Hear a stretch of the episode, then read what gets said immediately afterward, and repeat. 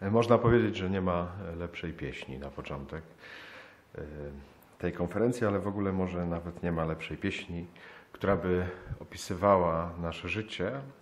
Pozwolę sobie przeczytać fragment z Ewangelii, który jak modliłem się, otrzymałem e, jako dobry dla Was. Wierzę w to. To jest z Ewangelii Mateusza z 13 rozdziału, od 31 wersetu. Jezus opowiedział e, też inną przypowieść. Królestwo niebieskie podobne jest do ziarna gorczycy, które pewien człowiek zasiał na polu. Jest ono wprawdzie najmniejsze ze wszystkich nasion, ale gdy wyrośnie, e, przewyższa inne krzewy Staje się drzewem, a ptaki przylatują i zakładają gniazda wśród jego gałęzi. To jest wielka tajemnica, która też w tej pieśni e, jest zawarta. W Tobie żyję, w Tobie Panie, w Tobie ubieram i w Tobie zmartwychwstaję. Ja przynajmniej tak mam, że albo mi się wydaje, że w Tobie tylko żyję, albo tak mam, że tylko w Tobie umieram, albo że tylko w Tobie zmartwychwstaję. I tak bardzo się koncentruję na tym, czy żyję, czy umieram, czy zmartwychwstaję, że bardzo rzadko pamiętam, że chodzi o to, żeby to było w Nim. Wszystko jedno co. Tylko żeby w Nim. E, I to koncentrowanie się e, nasze jest właśnie jakoś takie pogubione, jakoś może takie wybiórcze, prawda? Że tylko albo to, albo tamto. A kluczem istotą tego, o co chodzi, jest to, żeby w nim. Jak y, myślę o ziarnku gorczycy, czy jakikolwiek innym też, to tak naprawdę też widzimy w tym ziarnie, że ono żyje, ono umiera, aby dać nowe życie, aby zmartwychwstać i dać nowe życie. I każdy etap życia takiego ziarenka jest równie ważny. I nie da się, żeby ziarno tylko żyło, albo tylko umierało, albo tylko zmartwychwstało. No to jest cały taki cykl, cały taki proces. I później z tego, co się urodzi z tego ziarna, znów są ziarna, które znów przechodzą ten sam proces. I, I, tak wygląda też nasze życie, e, że jakoś cały czas idziemy właśnie od życia przez śmierć do nowego życia. E, I to jest normalny cykl dla nas. Nie, nie zawsze miły, bo nikt z nas nie za bardzo, myślę, lubi umierać. Albo nawet jak już umrze, to już tak naprawdę tak jest zły i wściekły, że najchętniej by został już w tym grobie i wcale mu się nie chce znów zmartwychwstawać i znów jakby do tego życia wracać. Więc różne takie e, w naszym życiu są e, momenty i, i związane z tymi momentami dylematy. Ale no właśnie, najważniejsze, żeby coraz bardziej docierało do nas to, że to chodzi o to, żeby w nim, cokolwiek by było, cokolwiek nas spotka, aby w Tobie. To jest mądrość też króla Dawida, o którym jeszcze później trochę powiem, ale on dokładnie y, tak wierzył. Na tym polega jego w ogóle siła. Nie? Mówię o nim y, specjalnie dlatego, że on jest mistrzem uwielbienia. On jest uwielbiaczem do potęgi N. Nie? To jest ten, który urodził się jakby dlatego. Nie? Jakby z tego, y, co w nim zostało złożone przez Pana Boga, tak naprawdę wszystko inne wyrastało. Nie? Właśnie on, który był najmniejszy ze swoich braci, nie? takim ziarnkiem gorczycy, najmniejszym ze wszystkim, taki, że się go pomija, że wszystkich innych e, Jesse synów swoich przyprowadził do Samuela, żeby go któregoś namaścił na króla, a Bóg mówi, żaden z nich. Czy masz jeszcze jakiegoś? Nie? No jest jeszcze taki najmniejszy, ale on tam gdzieś jest w pasie, nie? owce. Taki nie warto na to zwracać uwagi. Nie? On zostaje królem, on zostaje wywyższony, on staje się właśnie tym drzewem, w którego gałęziach zakładają ptaki gniazda. Na jego y, królowaniu jest oparty Izrael i Juda. Jakby on to wszystko ogarnia. A nic tego nie zapowiadało. Mówię to też w kontekście uwielbienia. My, jak tu jesteśmy, może to do nas tak nie dociera, bo już jakoś zdecydowaliśmy się na uwielbienie. Ale tak naprawdę, w moim przekonaniu, im dłużej y, trwam w uwielbieniu, im dłużej się tym zajmuję, tym bardziej jestem o tym przekonany, że uwielbienie to jest jak ziarnko gorczycy. Bo wcale w uwielbieniu nie chodzi o wielkie koncerty, chociaż również chodzi. Nie? Ale y, wydaje się, że modlitwa uwielbienia przy całej działalności Kościoła no jest marginalna. Jest gdzieś właśnie na szarym końcu. Mówię to z całą świadomością. Jeżeli ktoś z Was, mam nadzieję, że wielu, modli się, to popatrzcie, jak wygląda Wasze życie w stosunku do tego, ile poświęcacie na uwielbienie.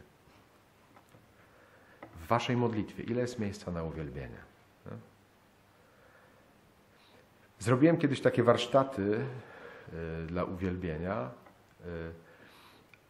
y, poznańskiego i zastanawialiśmy się, ile rzeczy musisz zrobić, żeby y, taki koncert uwielbienia był możliwy. Ile rzeczy tak zwanych technicznych i fizycznych, a ile nastawienie Twojego serca, czyli sama modlitwa można powiedzieć, taki szczyt Twojej modlitwy, kiedy Ty po prostu z Panem Bogiem się spotykasz.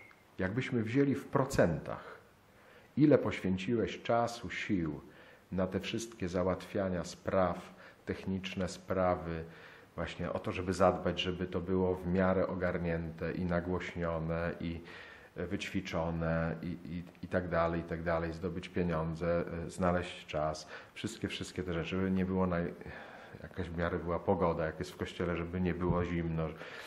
Jakby te wszystkie rzeczy, o które trzeba zadbać. I nagle sobie uświadomiliśmy na tych warsztatach, że to jest do 90%, a może nawet więcej, załatwiania najróżniejszych rzeczy i tych rzeczy technicznych, żeby przez chwilę uwielbić Pana Boga. Że taka jest proporcja, że nie ma co się łudzić, że tego wielbienia jest więcej. Nam się czasami może wydawać, ale wystarczy matematyka, wystarczy to policzyć. Ile realnie czasu na co poświęciłeś. Nie?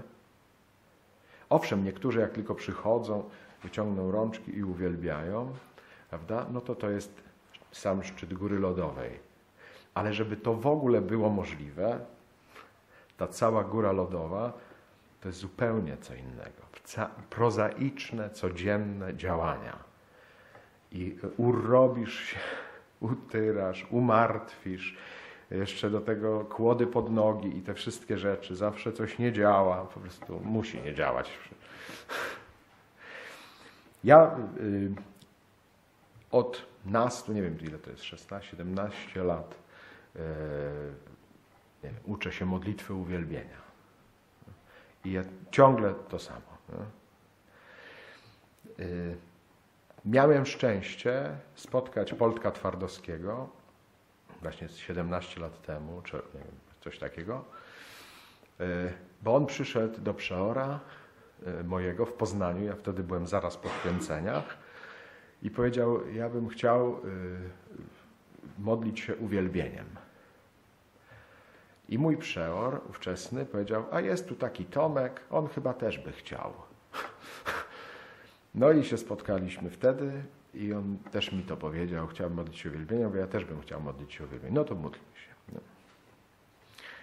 no i zaczęliśmy to organizować. Oczywiście pierwszy problem, jaki jest? Mnóstwo, no przecież Poznań, nie? mnóstwo mu muzyków, chrześcijan. Wyczytaliśmy w gazecie tu, tu. No to jeżeli gdzieś są muzycy chrześcijanie, 17 lat temu myślę, których nie było na świecie pewnie jeszcze. no to no Poznań, nie, jak nie.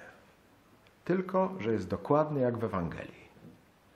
dzwonisz do jednego, idziesz do drugiego Jeden się ożenił, drugi kupił sobie pole, trzeci kupił sobie woły i musi je wypróbować. Nie mogę przyjść. Nie? I wszyscy ci, którzy są niby tacy muzycy chrześcijańscy, nie mogą. Z tych czy innych powodów. Co mam robić? Zastanawiamy się. Uczyłem się na teologii, że uwielbienie, modlitwa uwielbienia to jest najwyższa forma modlitwy. Czysta modlitwa, już nie prośba, już nawet nie dziękczynienie, uwielbienie. Czyli ja i Bóg, ja uwielbiam osobę, nie za coś, nie z jakiegoś powodu, nie, po prostu, bo On jest godzien uwielbienia. Czysta forma, ja i On. No to tylko dla najczystszych, tak sobie myślałem. Jak czysta forma, najczystsza modlitwa, najwyższy stopień modlitwy, to tylko się nadają do tego tacy już zaprawieni, oczyszczeni i tak No. Takim byłem przekonany. Tyle, że ci na oczyszczeni, nawróceni nie mają czasu, nie chcą grać. No to co zrobić? Czytamy Ewangelię, no to wtedy wychodź i spraszaj z opłotków. A nawet jest napisane zmuszaj do wejścia, bo uczta jest gotowa. No więc dzwonimy do innych muzyków, takich półwierzących. Też słabo, nie? Okazuje się, że ci niewierzący, ci, o których się mówi, moje życie nie nadaje się do kościoła za bardzo. Nie? Ostatni raz nie wiadomo kiedy byłem, nie? Dzwonisz do nich, czy zagrasz uwielbienie. Oni natychmiast, oczywiście. My problem mamy z Poltkiem. Czy mogą tacy ludzie grać uwielbienie? Przecież oni są daleko w ogóle od Kościoła i od Boga pewnie. Przecież to będzie jakaś profanacja. Problem w tym, że nie ma innych. Są tylko tacy. Inni nie mogą. Mówię, wierzmy Ewangelii, Poldek. Zapraszajmy, zmuszajmy. Niech grają, zobaczymy. Jedną miałem tylko małą podpowiedź, która jest muzyczną podpowiedzią. Jeżeli myślimy o tym, że wszystko gra, to znaczy stroi. To znaczy jest w harmonii. Jeżeli oni zagrają i będzie stroiło i będą w harmonii, stroiło nie tylko w sensie muzycznym, ale w sensie duchowym, no to znaczy, że jest Boże błogosławieństwo.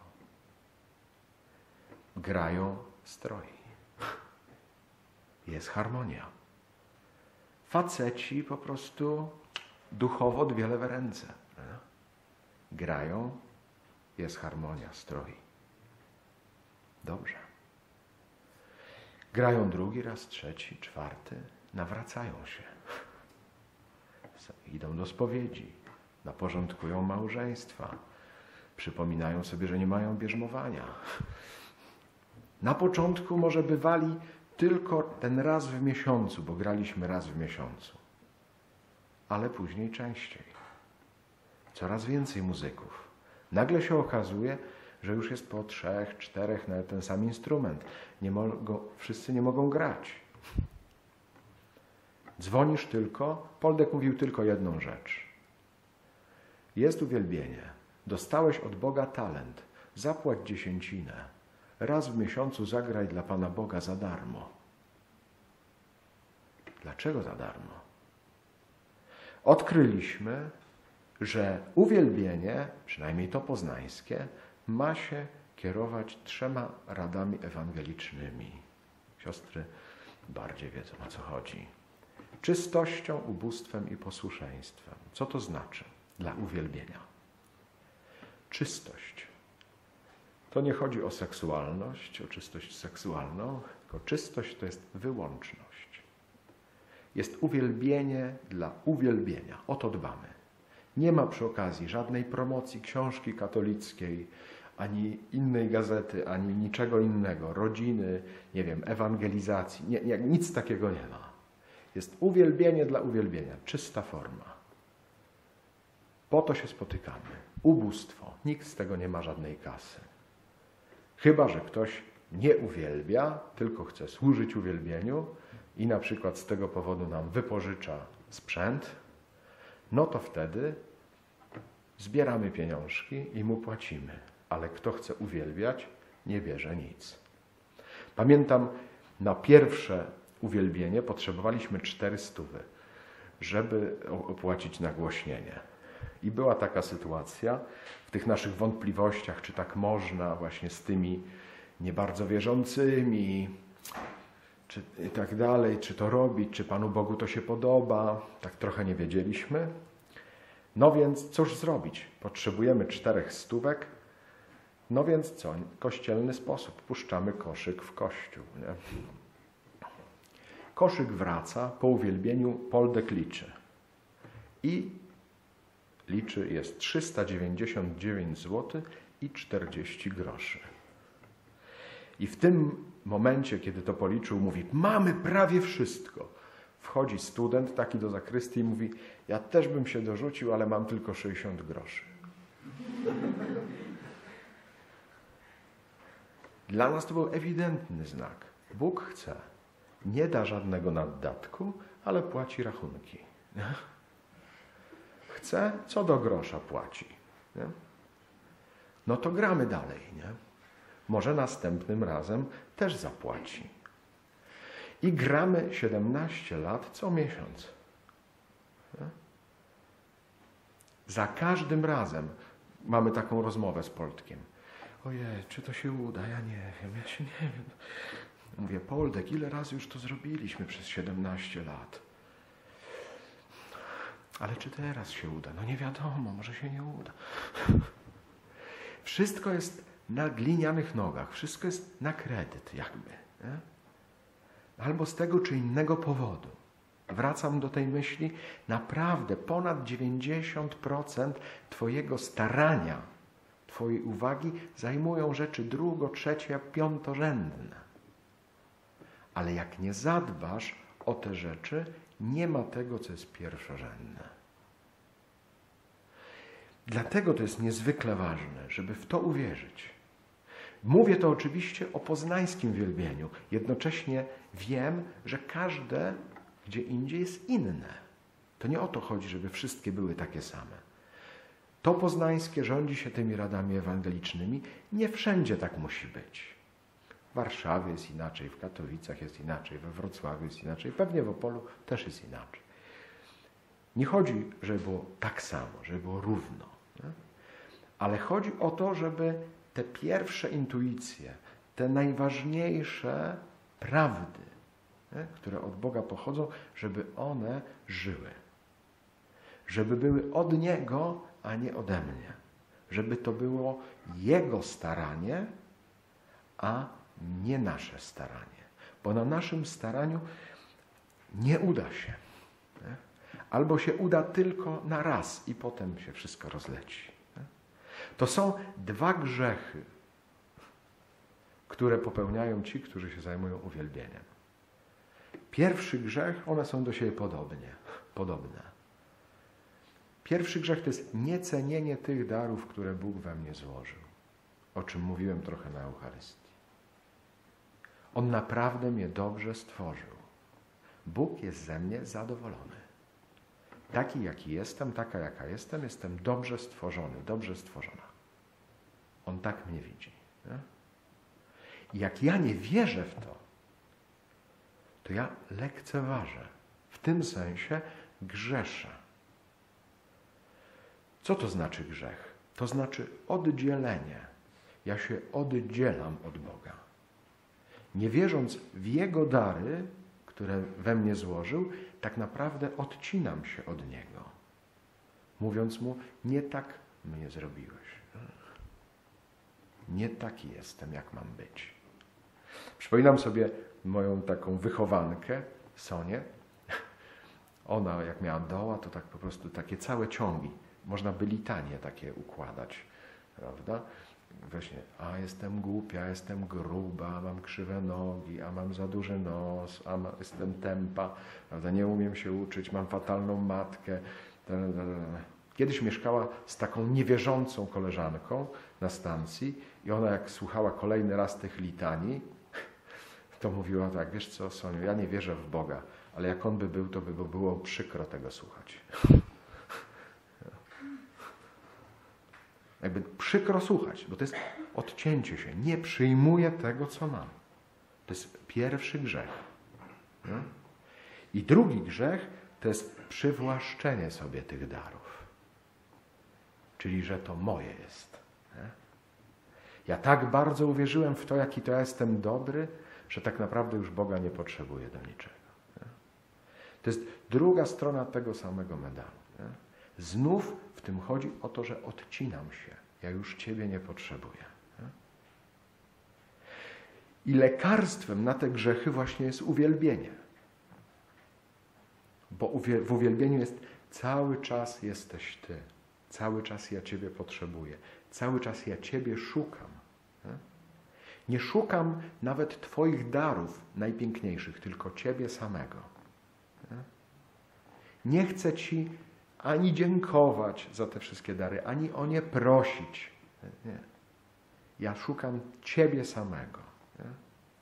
Jednocześnie wierzę głęboko, że te wszystkie dary są od Ciebie. I ja tymi właśnie darami chcę znów Tobie służyć. Nie? Że jest ta przedziwna wymiana. Nie? Ale zasadniczo nie chodzi o te dary, tylko o Ciebie samego. Nie jest najważniejsze coś, tylko ktoś. Ja czasami mówię do małżonków, jak mam jakieś nauki, yy, pokazuję na obrączkę i mówię, to jest coś czy ktoś? To, to, o to chodzi w tym, najprościej ujmując. To jest coś czy ktoś? I jasne, że w tym małżeństwie jest podobnie może jak w uwielbieniu, że 90 ponad procent jest roboty takiej szarej codzienności, żeby przez chwilę było uwielbienie. Taka jest proporcja, nie ma siły. Nie? Ale jak o to zadbam, to jest to wszystko możliwe. O to chodzi. Jak ja nie wierzę w to, że Ty mnie kochasz, albo nie wierzę w to, że ja Cię kocham, albo tak sobie to przywłaszczę, że myślę, że to wszystko na mnie stoi, no to już się wtedy kończy. Dlatego w uwielbieniu jest właśnie coś, co jest niezwykle ożywcze. I że wrócę do tego ziarnka gorczycy. Ono jest maleńkie. Wydaje się, że to jest właśnie no coś tak na szarym końcu. Ale tak naprawdę właśnie to ożywia to wszystko wcześniej. Właśnie to małe nadaje sens, nadaje życie temu wszystkiemu, co jest e, wcześniej. Nie? Czemu ma to służyć? Nie? Tu jest coś niezwykłego. Nie? Król Dawid był po prostu takim gościem, który po prostu jak zagrał, tak wszyscy śpiewali. Nie? Po prostu był uwielbiany, robił instrumenty sam. Był muzykiem muzyków. Do dzisiaj jest uważany po prostu przez wielu muzyków, że jest po prostu super patronem. Nie? Że to jest absolutny majster majstrów. Nie? I co?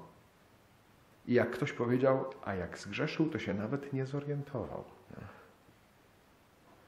Jak zgrzeszył z tą Betrzebą. Wszystko się zaczęło od lenistwa. Nie? Że w pewnym momencie już był takim dobrym królem, tak świetnie wszystko robił, po prostu, że przyszedł, jak jest napisane, przyszła wiosna, to był czas, kiedy wszyscy mężczyźni szli na wojnę. Wszyscy poszli, a Dawid został w pałacu. Nie chciało mu się iść. Był królem, nie musiał. Wysłał. Innych sam został. Nie? Jaki jest następny krok? Nuda jak nie chce mi się iść, to za chwilę zaczynam się nudzić. No i taki znudzony łazi po tym tarasie, no i nagle widzi nagą, kąpiącą się kobietę. Kolejny krok po nudzie, porządliwość. I zgrzeszył. Potem okazało się, Betrzeba w ciąży, coś trzeba zaradzić. No to kombinujemy dalej, spirala grzechu. Nie? Wzywa męża, po co? No żeby było na niego, bo przecież wypuszczony żołnierz pójdzie, prawda? Będzie współżył ze swoją żoną, będzie na niego. Dawid łatwo pozbędzie się problemu. Ale Uriasz się okazał gościem z zasadami, więc mówi, ja nie będę szedł do mojej żony, jak moi przyjaciele, towarzysze są na wojnie. I położył się w bramie. Dowiedział się Dawid, bo życzliwi donieśli. Więc myśli, no jest jeszcze jeden sposób, upijemy człowieka, bo jak człowiek się upije, no to trochę mu zasady miękną, prawda? Upił Ur Uriasza, no ale Uriasz nawet jak był pijany nie poszedł do żony. Wtedy napisał ten list do dowódcy, żeby go wystawił w takie miejsce, gdzie są najwaleczniejsi przeciwnicy, a potem od niego, żeby odstąpić i on tam zginął. Nie? Zaczynało się od tego, nie chce mi się. A skończyło się na zbrodni. I Dawid, który był niezwykłej wrażliwości, nawet się nie pokapował, że coś jest nie okej. Okay. Myślał sobie, o, jestem królem, to mi wolno. To jest wielkie niebezpieczeństwo kogoś zaangażowanego w kościele. Czy to będzie taki duchowny jak ja, czy świecki, ale zaangażowany, od lat tu robię. Jestem ministrantem albo szefem duszpasterstwa, albo to mi wolno. Niech inni tam biegają, robią to czy tamto, a ja sobie będę leżał na zielonych pastwiskach. I od tego się zaczyna, że potem jest nuda, a potem kolejne kroki. Nie? I dopiero prorok musi przyjść i powiedzieć: Jesteś tym człowiekiem, który popełnił zbrodnię. Prorok czasami się boi, więc opowiada bajeczki. Natan opowiadał bajeczkę, a potem dopiero mu wyjawił o co chodzi. Nie? Ale o to chodzi. Nie? Tyle, że wielkość Dawida nie polegała na tym, że nigdy nie upadł i nigdy nie zgrzeszył. Wielkość Dawida polega na tym, jak szybko wstaje. Jak tylko się zorientował, że zgrzeszył, mówi co? Zgrzeszyłem. Panie, zmiłuj się nade mną. Była wyznaczona duża kara. Skończyło się na tym, że to dziecko nie przeżyło. Jest niezwykły opis, to jest mocne dla naszej wrażliwości, w naszej kulturze, to jest w ogóle karkołomne. Nie będę czytał tego fragmentu, ale zachęcam, żeby sięgnąć do księgi Samuela. Dawid pości. Kilka dni po prostu nie je, nie pije, pości, żeby tylko ten chłopiec przeżył. Ale dziecko umiera mimo tego. Wszyscy się boją, że jak tak przeżywa, to nie mogą mu powiedzieć. On to wyczuwa. Jak się tylko dowiaduje, że dziecko zmarło, natychmiast wstaje, myje się, idzie yy, zjeść, wraca do życia. Potem idzie do Betrzeby, żeby ją pocieszyć po śmierci dziecka i z tego powstaje Salomon, który jest jego następcą dziwna sytuacja. Tak po naszemu trochę czekoślawo to brzmi. Nie? Ale o co chodzi w tym? Jaki jest zamysł? On jak tylko może wraca na drogę. Bardziej wierzy Bogu niż grzechowi. Wie, że zgrzeszył. Wie, że ten grzech miał konsekwencje nie ma czym się chlubić, ale jednocześnie mówi bardzo jasno: Wszystko przyjmę, byle od Ciebie, Boże. Nie? Czy będę żył, czy będę umierał, czy będę zmartwychwstawał, aby z Tobą, aby w Tobie. To jest wielkość Dawida. Dla mnie w uwielbieniu była wielką lekcją. Mieliśmy dwa takie zdarzenia. Pierwsze i ostatnie takie uwielbienie, w którym brałem udział na, na placu e, w Poznaniu. W pewnym momencie przyjechał taki e, e, kapucyn, Piotrek. On ma charyzmat kapucyński, prorocki. Wali prosto z mostu tam. Więc przyjechał do nas, jak tam uwielbialiśmy kolejny już raz w kościele u Dominikanów i powiedział, po uwielbieniu, pytam Piotrek, co? A on, wynocha z tego kurnika, mówi, na plac. Nie?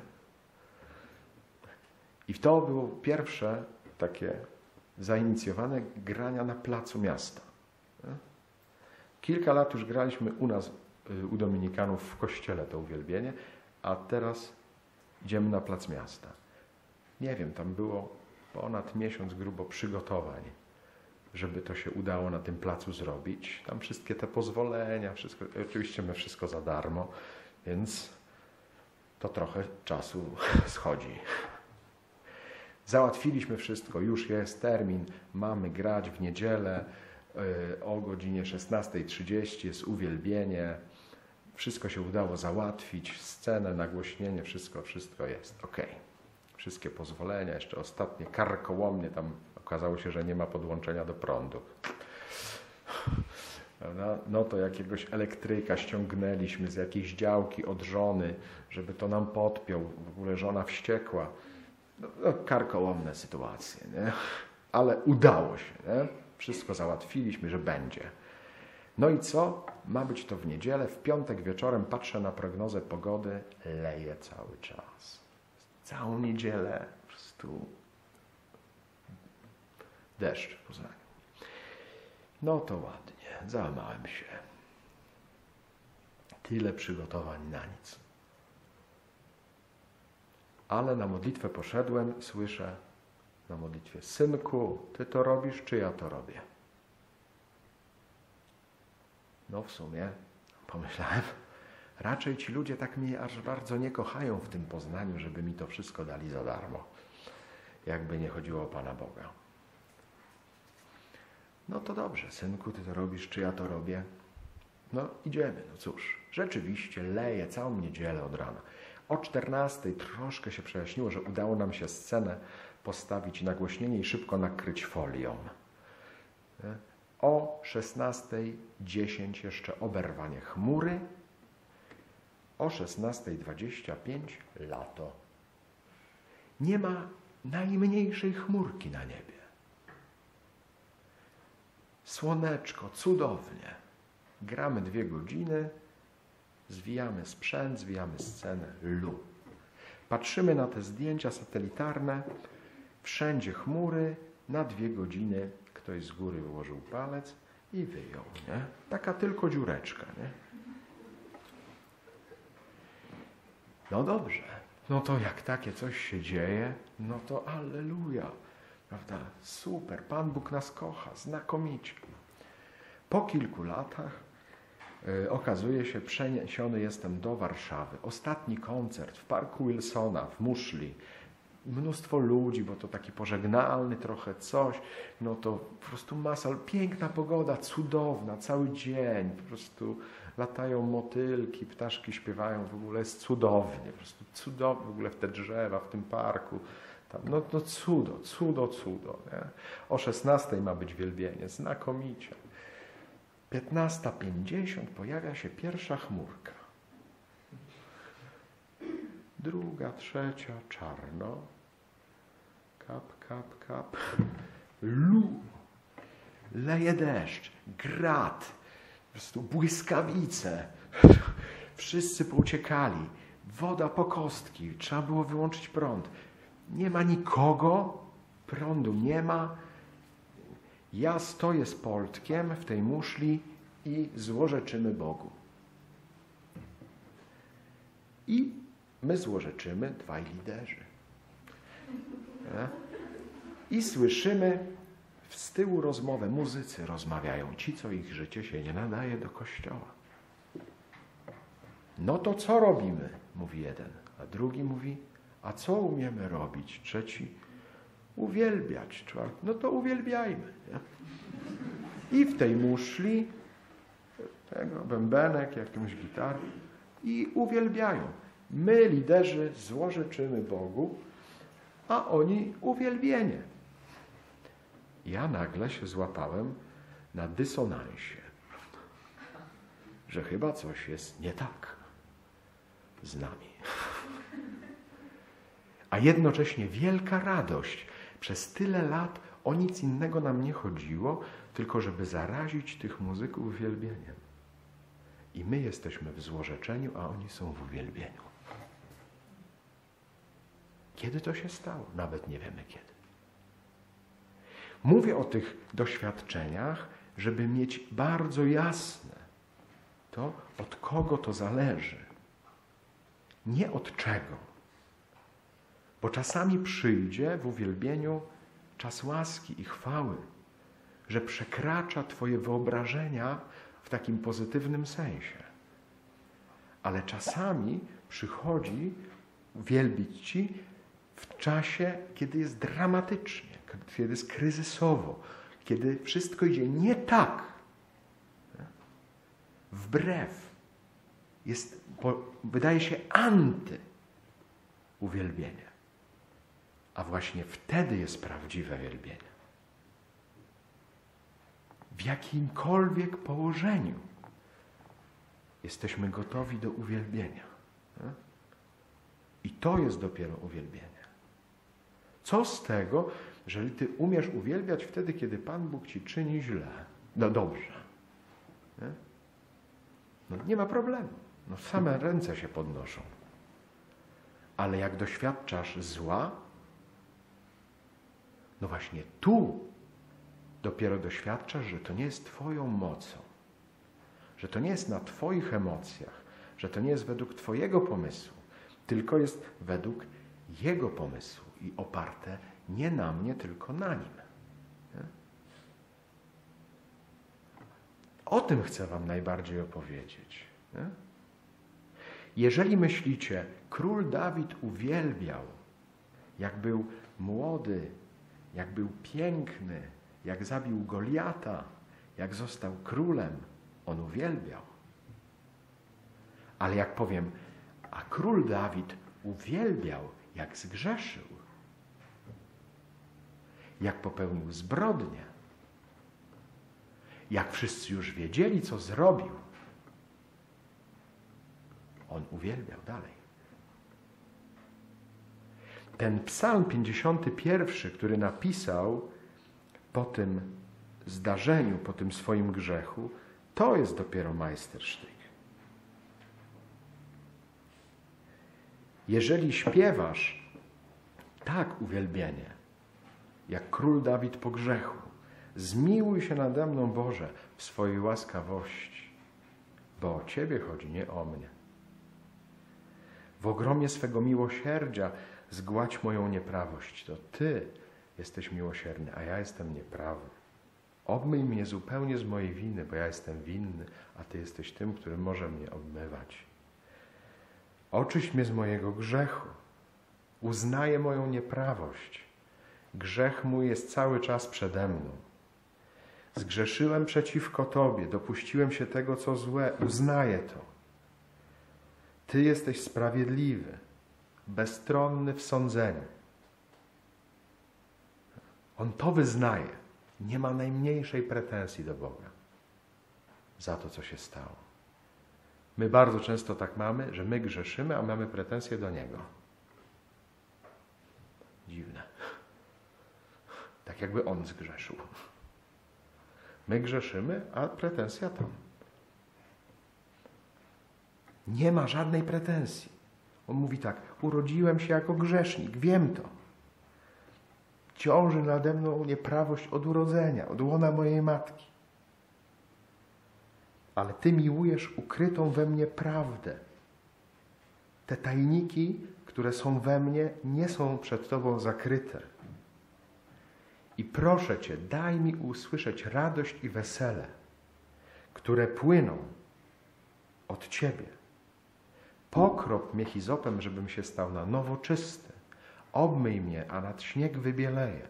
Wierzę, że masz taką moc, że mimo tych zbrodni, które zrobiłem, tych grzechów, które popełniłem, Ty masz moc mnie oczyścić. Bo bardziej wierzę w Ciebie i Twoje oczyszczenie niż w mój grzech. Jakże często jest u nas odwrotnie. Tak bardzo ja przynajmniej mam, że koncentruję się na tym, co złe zrobiłem, na moim grzechu, że znów mi się nie udało. Nie na tym, że Ty możesz mnie oczyścić, tylko że jaki ja jestem zły. To kto jest wtedy Bogiem? Ja albo mój grzech, bo Jemu się kłaniam. To nie to. To jest wielkość Dawida. Odwróć oblicze od moich grzechów. Zgładź wszystkie nieprawości. Stwórz Boże we mnie serce czyste i odnów we mnie moc ducha, który jest niezwyciężony. Nie można zwyciężyć tego ducha, którego mi dałeś, bo jest Twoim duchem. Daj mi się cieszyć Twoim zbawieniem. Wybaw mnie od wszystkiego, co złe. I to jest coś, co mnie uwodzi osobiście. Otwórz moje wargi, Panie, a usta moje będą głosić Twoją chwałę. Mówię to z całą świadomością, jako kaznodzieja, który nie umiałem powiedzieć dwóch zdań. Jak byłem diakonem, byłem pokazywany jako najgorszy kaznodzieja. Przez braci. I Bóg otworzył moje usta, abym głosił chwałę. Dla mnie to jest wielkie wydarzenie osobiście, ale mówię z tego miejsca jako świadek o Was. Może myślisz, nie umiem śpiewać, nie umiem grać, bo jeszcze może nie otworzył Ci ust. Abyś głosił, śpiewał Jego chwałę, nie? abyś grał Jego chwałę. Jeszcze nie uzdolnił Cię, nie? a On może. Może uzdrowić chromego od urodzenia, który nigdy nie chodził, ślepego, który nigdy nie widział. Może jesteś kompletnym afonem, mam nadzieję, że nie do końca. Wiesz, masz ucho przez słonia nadepnięte. Bóg mówi, już uczyniłem wiele w Twoim życiu i jeszcze większe rzeczy uczynię. Ja, nie Ty. To jest niesłychane w uwielbieniu. Nie chcę Was zamęczyć tym, ale to jest naprawdę niesłychane, co Bóg może dokonać dzięki temu, że ja uznam Jego przede wszystkim. I że ja poddam się Jego prowadzeniu, czy w tym, co dobre, czy w tym, co złe. I powiem tak jak król Dawid, wszystko jedno co, aby z Tobą. Wszystko jedno co, aby od Ciebie. Tak jak Hiob, siedząc na kupie gnoju, mówi: Dobro przyjąłem z ręki Pana, czego zła mam nie przyjąć. Wszystko jedno co, aby z ręki Pana. O to chodzi w uwielbieniu. Nie co, tylko kto, od kogo.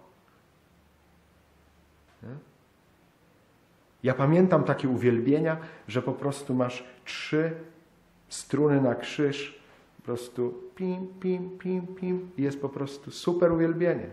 I pamiętam takie uwielbienia, które po prostu znakomity zespół, w ogóle wszyscy zawodowi muzycy, nic nie żre, jak to się mówi. Nie, nie zażera, nic. Bo jakby nie, nie ma tego, który musi być. Nie? Jeszcze w jednym miejscu jest w Biblii o ziarnku gorczycy. O. To jest 17 rozdział Łukasza od 5 wersetu. Apostołowie proszą, wzmocnij naszą wiarę. Proszą Jezusa, wzmocnij naszą wiarę. I Jezus mówi na to, gdybyście mieli wiarę jak ziarnko gorczycy, powiedzielibyście temu krzewowi morwy, wyrwij się i przenieść do morza i by was posłuchał. Gdybyście mieli wiarę jak ziarnko gorczycy, modlimy się, przymnóż mi wiarę. Niczego więcej nie potrzebuję. Przymnóż mi wiary, żebym był podobny do króla Dawida w jego wierze. I to nie tej, kiedy jeszcze był młody i piękny, tylko właśnie przede wszystkim w takim doświadczeniu, kiedy już jest po grzechu, jest przygnieciony tym złem, które wyrządził sam. Wtedy dopiero ta prośba o wiarę prawdziwie smakuje i wtedy doświadczamy rzeczywistego uwielbienia. Z całego serca, mógłbym tak powiedzieć, Wam tego życzę, tego doświadczenia. Żebyście nie uwielbiali tylko wtedy, kiedy jest dobrze i wtedy, kiedy wszystko dobrze wychodzi, ale żebyście uwielbiali całym życiem. I nie chcę powiedzieć, uwielbiajcie tylko wtedy, kiedy jest źle. Nie. Wrócę do tej pieśni na początek. W Tobie żyję. Uwielbiaj wtedy, kiedy żyjesz. Uwielbiaj wtedy, kiedy umierasz. W Tobie umieram. W Tobie zmartwychwstaję. Uwielbiaj wtedy, kiedy zmartwychwstajesz. Bo Bóg w Jezusie obiecuje Ci nowe życie. Niczego innego nie potrzebujemy. Tylko żeby ciągle, w jakiejkolwiek jesteśmy sytuacji, być w Nim.